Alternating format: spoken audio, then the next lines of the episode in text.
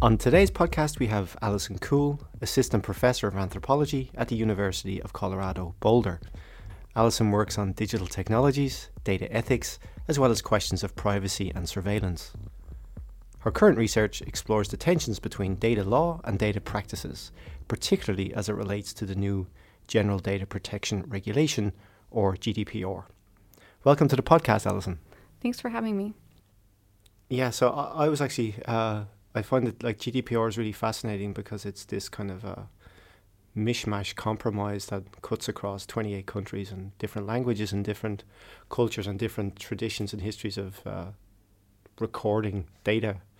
Um, I'm wondering, like, do you have any sense of how, how does that how has that affected the form that this uh, set of laws have taken?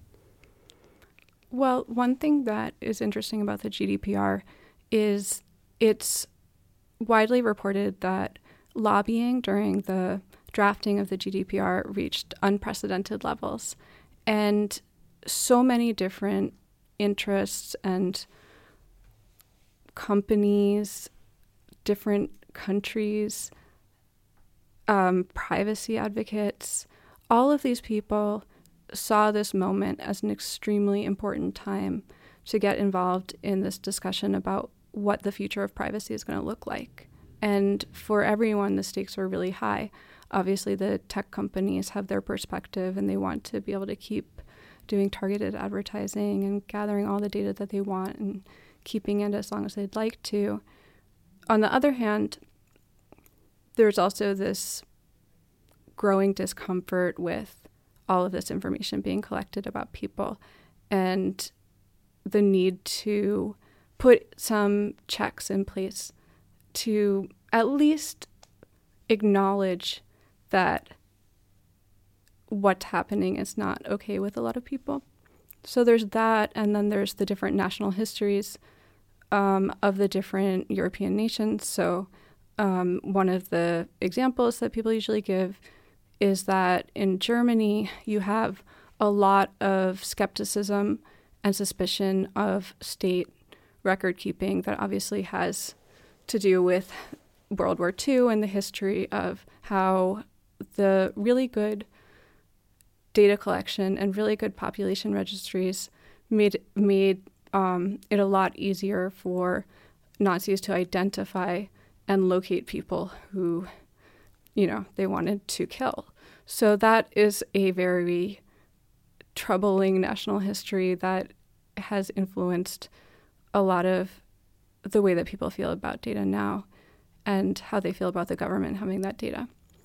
And then on the other side of this extreme, you have the Nordic countries where historically a lot of data has been collected about people, but it hasn't necessarily been seen as a problem because it also comes along with a fairly well functioning welfare state various benefits, you know, like your child money being directly deposited into your bank account and those sorts of things that make people feel pretty good about their data being in this central location. So, very different attitudes about privacy, different histories of data collection, different interests, researchers, um, universities, companies, small companies that feel like they can't comply with this and and then you have the people who are trying to draft this law in a way that everyone can agree with. So it was a very contentious and drawn out process that resulted in a very long, complicated law. Yeah. Um, and I imagine that's kind of reflected in some of the concerns that researchers have when they're actually trying to live up to the expectations of what the law demands of them. Um, could you say a little to us about that? Like, what, what type of practical concerns do they have in trying to live up to GDPR? So, for researchers, their position in terms of the GDPR is a little bit stronger than, say, um, a company's position because there are some exceptions for scientific research th- that mean that the law is a little bit less strict. But that being said, there are still a few principles that have a big effect on research practice. So, one of those is the accountability principle for data processing, which gives people, data controllers, data processors, the responsibility to abide by the different principles for data processing, like fairness, transparency, and so on, and to be able to demonstrate that on request. Um, and a lot of the language, because of this long series of compromises and debates drafting the law, have resulted in a lot of open ended, flexible, ambiguous language that is not easy to interpret for a non specialist. So, researchers that I talked to in Sweden had a really hard time understanding what the law said and what how it would apply to the different kinds of everyday decisions that they were making about, you know, how should we determine our security protocols or how should we decide what level of anonymization is appropriate for this level of sensitivity of data and things like that. So there's an increasing need to have some kind of legal knowledge or awareness, but there are a few people who are trained in law and have a technical background, but there are very few people like that. So, for the most part, what happens is you'll have a team where you have researchers and you have a lawyer, maybe an ethicist, maybe a sociologist or an anthropologist to help you figure out what kinds of concerns might come up. So, in if you know if you have the funding for that and that's your structure, great.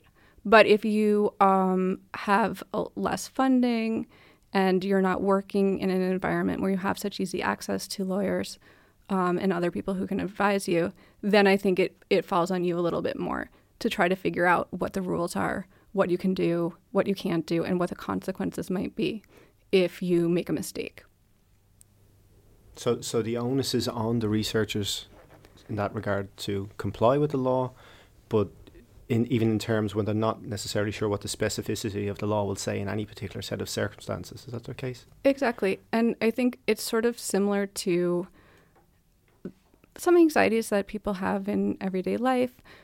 Now that we have the GDPR, like the consent form that you gave me before the interview, and it's a little bit unclear, you know, I'm American, here I am in Denmark. What rights do I have as a data subject under the GDPR? What responsibilities do you have as someone who's going to have my personal, personally identifiable information in terms of my voice and my name and all of that. Yeah. So uh, what I kind of find interesting is this kind of uh, the broad principles that seem to be at play. Like I mean, you you mentioned uh, we had just had a, a, a, very interesting talk by you a couple of hours ago, uh, where you talk about this idea of these open principles, right? Sort of as you call them, a little bit earlier, little uh, flexible types of principles. Like they have to take uh, researchers would have to take appropriate security measures or take every reasonable step. Um, why why is it do you think that the that the terms are so open in that regard?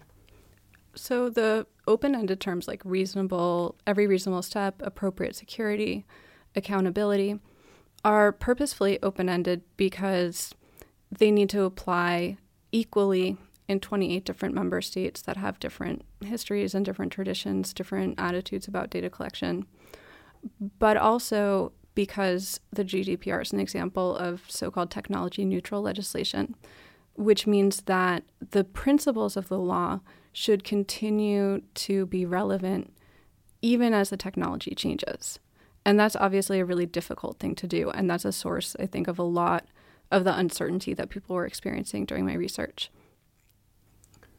Okay, so so given the that the law has to be flexible enough to operate in a future which is as of today unknown. So it's uh, so it's not an anticipatory technology because it's not actually anticipating, but it's staying flexible enough to be able to deal with encounters of the future that aren't yet known. Uh, would that be a good way to? Yeah, exactly. It? So we don't know the the idea of the law is we don't know what the future is going to bring. We know that it's likely that our technologies are going to change in ways that we can't anticipate. So, what are the kind of broad principles that are important no matter what technology we're using? And so the principles that came up are, you know, kind of fairness, transparency, accountability.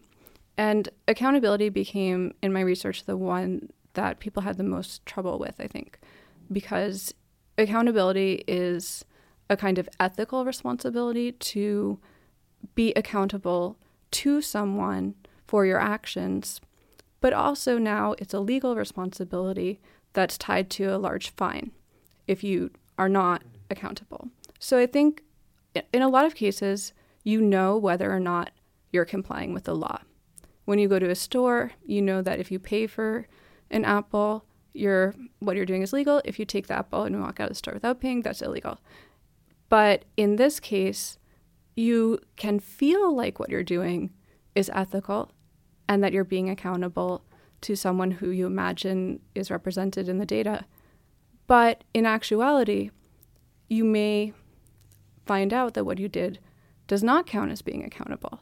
So that tension between what you think you're doing is right, you think that you're doing the right thing, but you can't really be sure. That that was a huge source of anxiety for for researchers.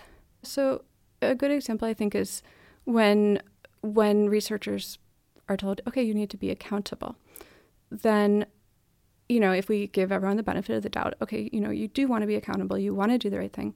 So you think about this like this is a broad open-ended principle. What does it really mean? And if you kind of unpack it a little bit, you could say, okay, accountability means I'm imagining someone else to whom I'm accountable. And so I need to think about this person who I'm now in this sort of ethical legal relationship with. And if I'm going to be accountable to them and be able to display that I am accountable and that I've acted in a ethical manner, then I need to think a little bit about who this person is and what it is that they might want. And that's not always obvious. I mean, sometimes you have researchers who collect their own data and they really do know who the research subjects are and they have a sense of how consent was obtained and what the terms of the study were and so on, but that's rare. But a lot of times it's much more mediated than that. So even if you are working on your own study where you've gathered your own data, that doesn't actually mean you personally gather the data. What it means is you're part of this large team that includes nurses who go out in the field and collect samples. And then those samples are sent to a processing facility in Umeå. And then the data from Umeå is sent to Uppsala, where it's stored. And then researchers in Stockholm access it through a secure system.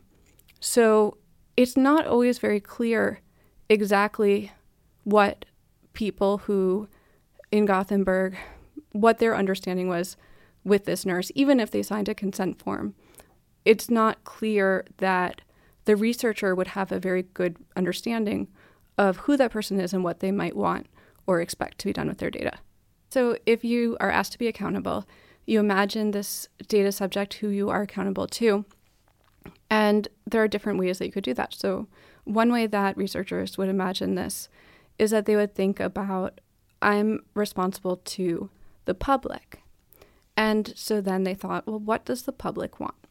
And they imagined the public as this group of sort of undifferentiated people who all really, really want science to be done. And they really want as much science, as much research as possible to be carried out. And their motivation for giving the data was because they so um, believe in science that they, they donated parts of their body for it. And so when researchers had that understanding of their accountability to the public, it seemed very clear to them that what they should do is share their data as widely as possible and you know to publish it in public repositories or do anything that they could to make sure that as much research as possible could be generated from this data.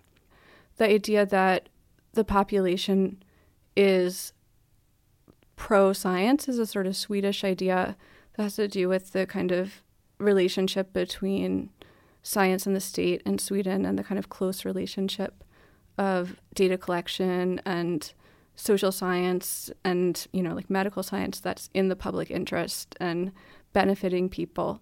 Um, I don't know what I, I don't know the research from Germany, but I would imagine that researchers there might have a very different understanding of what the data subject might want.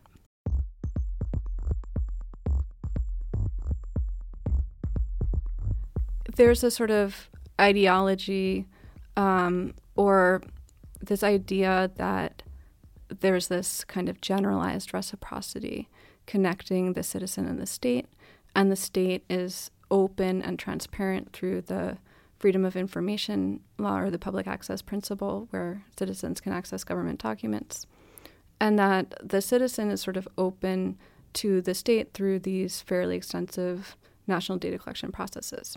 So that's that's a discourse that people draw on, and researchers especially will would often say, you know, in Sweden, people really trust the state, and in Sweden we haven't had any scandals with research data like we haven't abused it like they have in Germany or you know in even like in Denmark or Norway you could point to maybe some more serious abuses.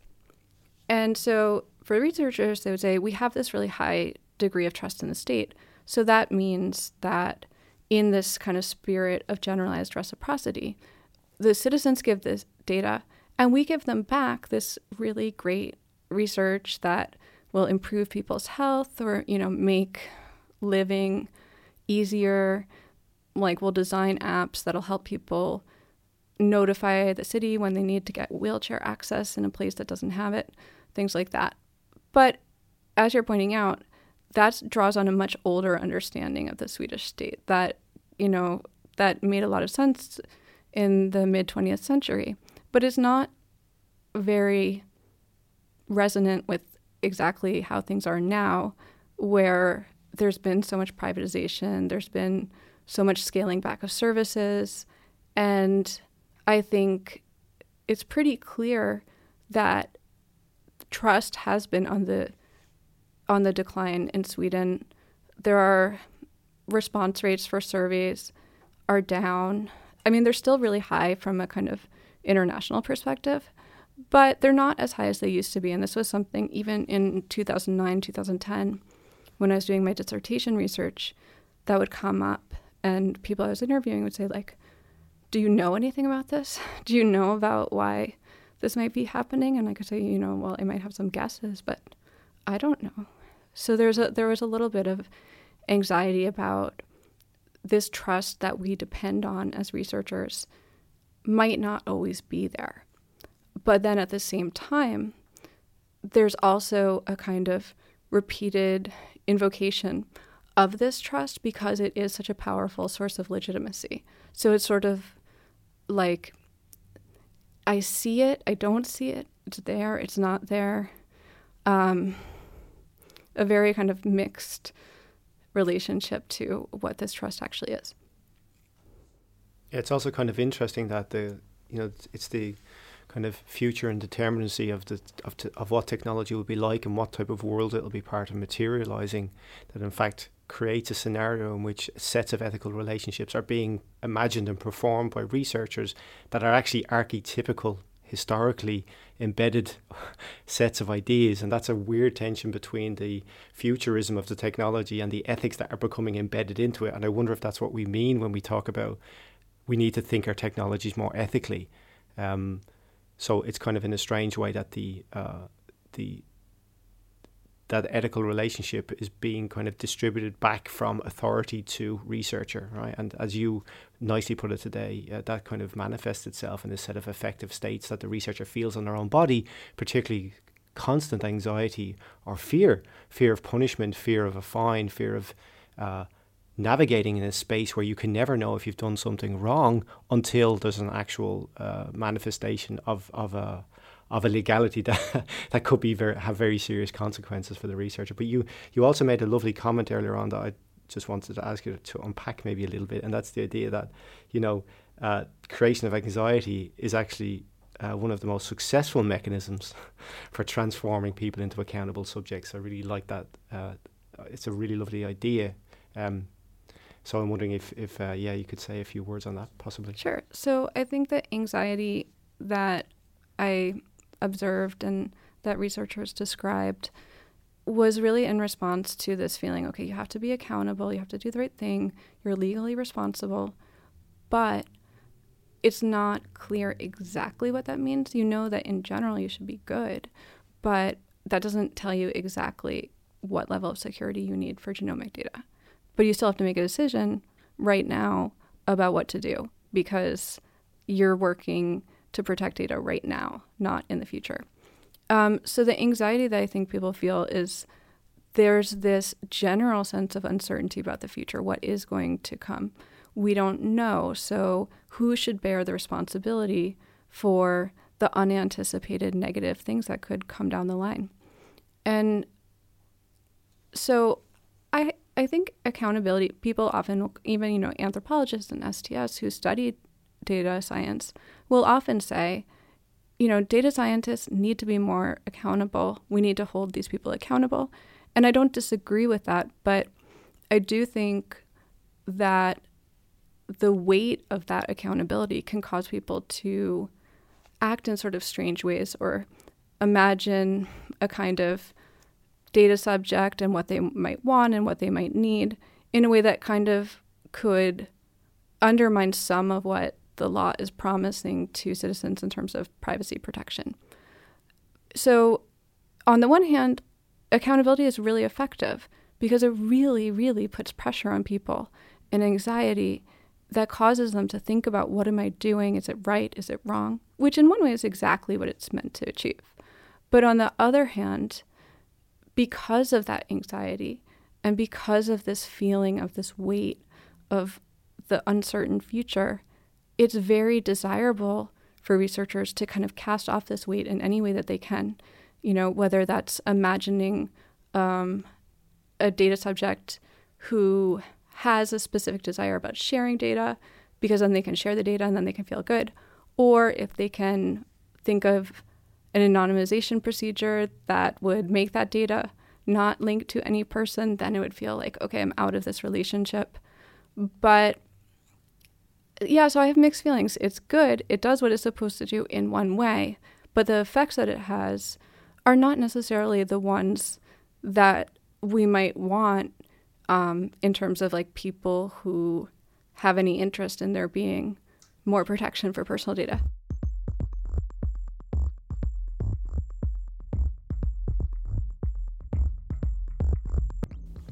But I think there are definitely ways that this these questions of sort of data ethics and their relationship with the law are a bit behind where bioethics is because these are just sort of newer questions that in some ways have come out of similar like kind of medical dilemmas in the past about like what does consent mean?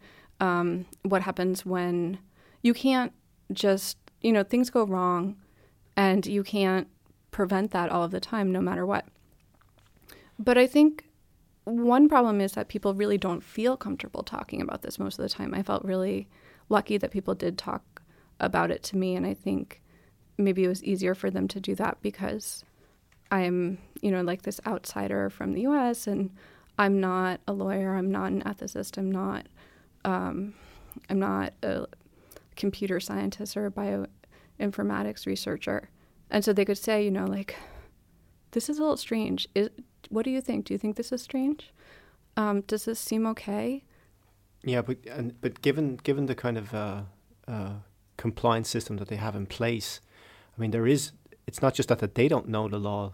In that specific set of uh, data practices, there is nobody who knows the law until it's tested and uh, uh, adjudicated on by some sort of data authority, right? Is, is that the case? Well, so the the law will be ultimately clarified through dis- like decisions in the European courts.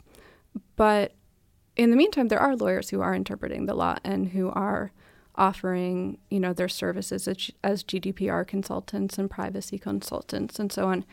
And they feel that they have a pretty good grasp on what is intended, what is probably okay, what's probably not. But I think they don't necessarily feel the weight of the anxiety of not quite knowing that the researchers feel because they're used to working with the law. They know that law is not something that gives you perfect answers for every question. So they're a little bit more comfortable with this kind of legal uncertainty. And so I don't think they experience it quite as much as a source of anxiety and stress and fear the way some of the researchers do. Okay, that's interesting. Yeah. So they have kind of uh, embodied uh, the quandaries of the law in how they approach it and how they practice it. And so, and, and are maybe always confident that they can find some sort of avenue through which that form of uh, explanation will work.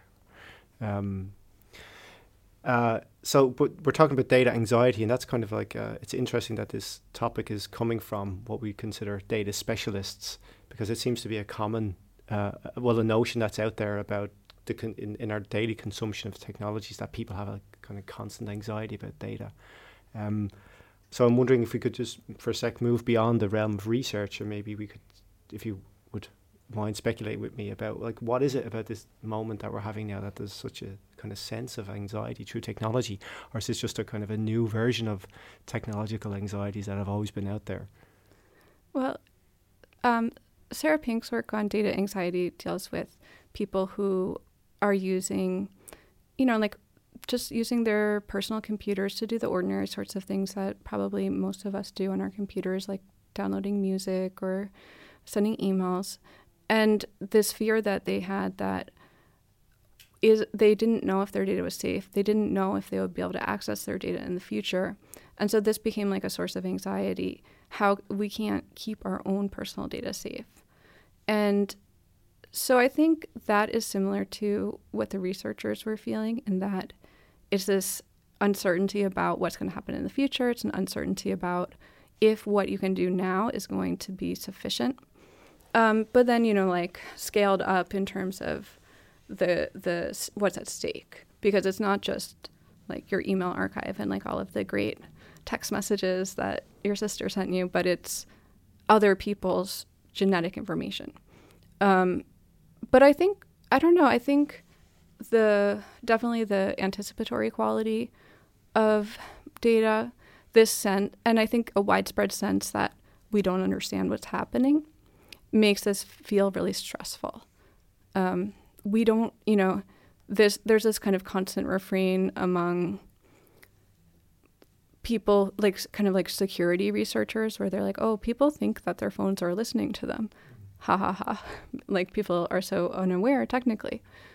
But people don't understand maybe all of the details of how like third-party cookies work or you know um, exactly how they're being tracked. But I think oh, they're listening to my phone as a way of saying, I know that something's going on that makes me uncomfortable. And I know that I looked at these shoes like last week and now why are they on my phone? And that feels to them like maybe their phone really is listening to them.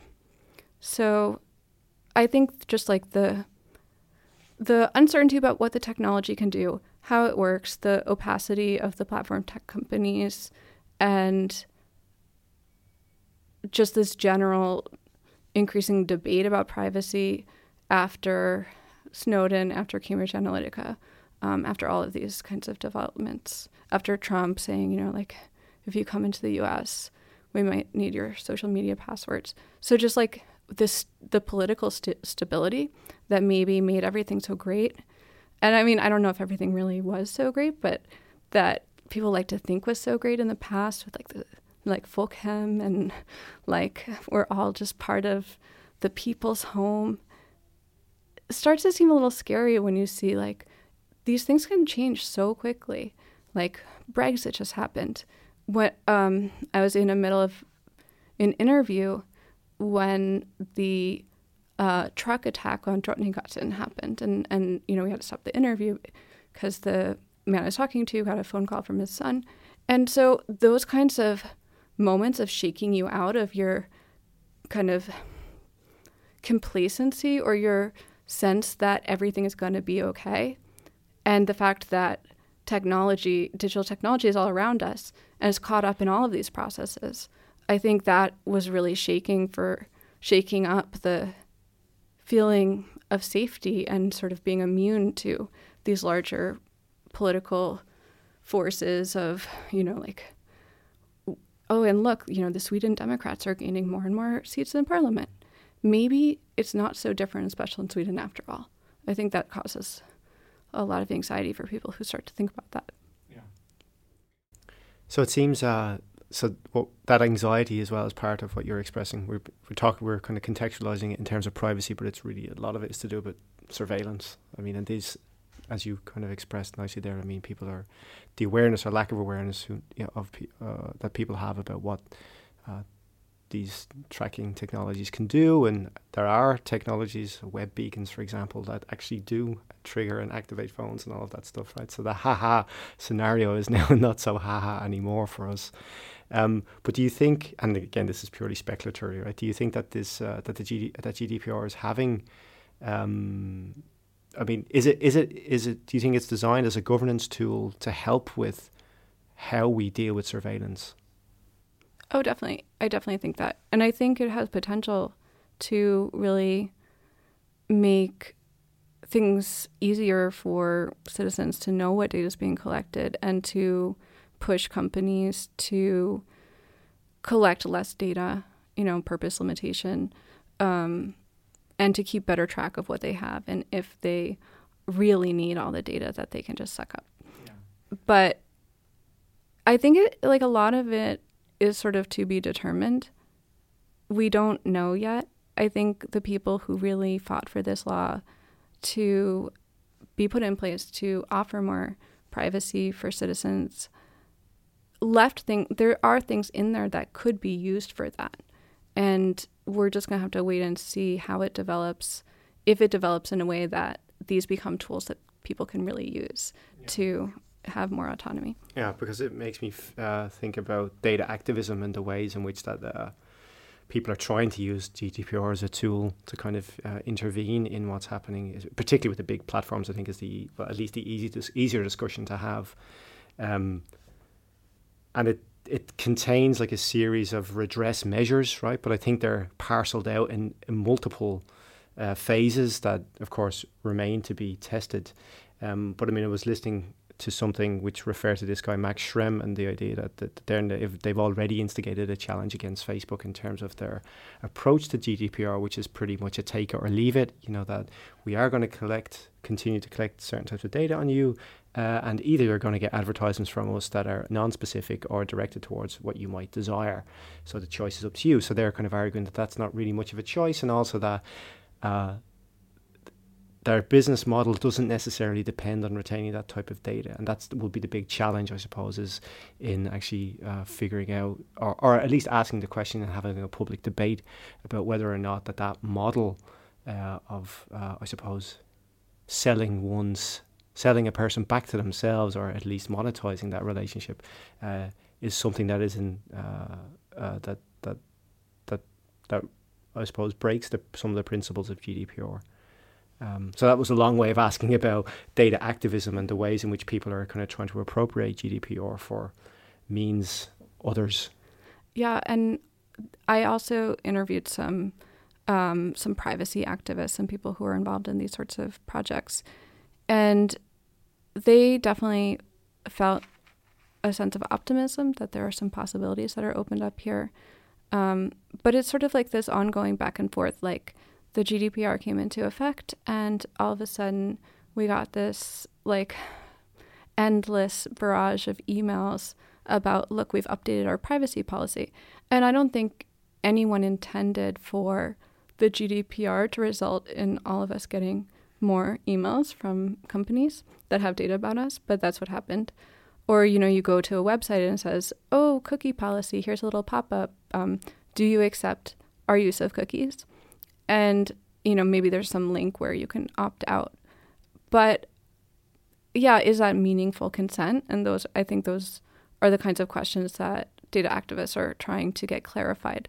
Because it doesn't seem from a consumer perspective very meaningful at all that if you want to use this service you must accept um, all of these trackers and the revenue that we can make from targeted advertising that doesn't feel like meaningful consent if you can't use this thing otherwise.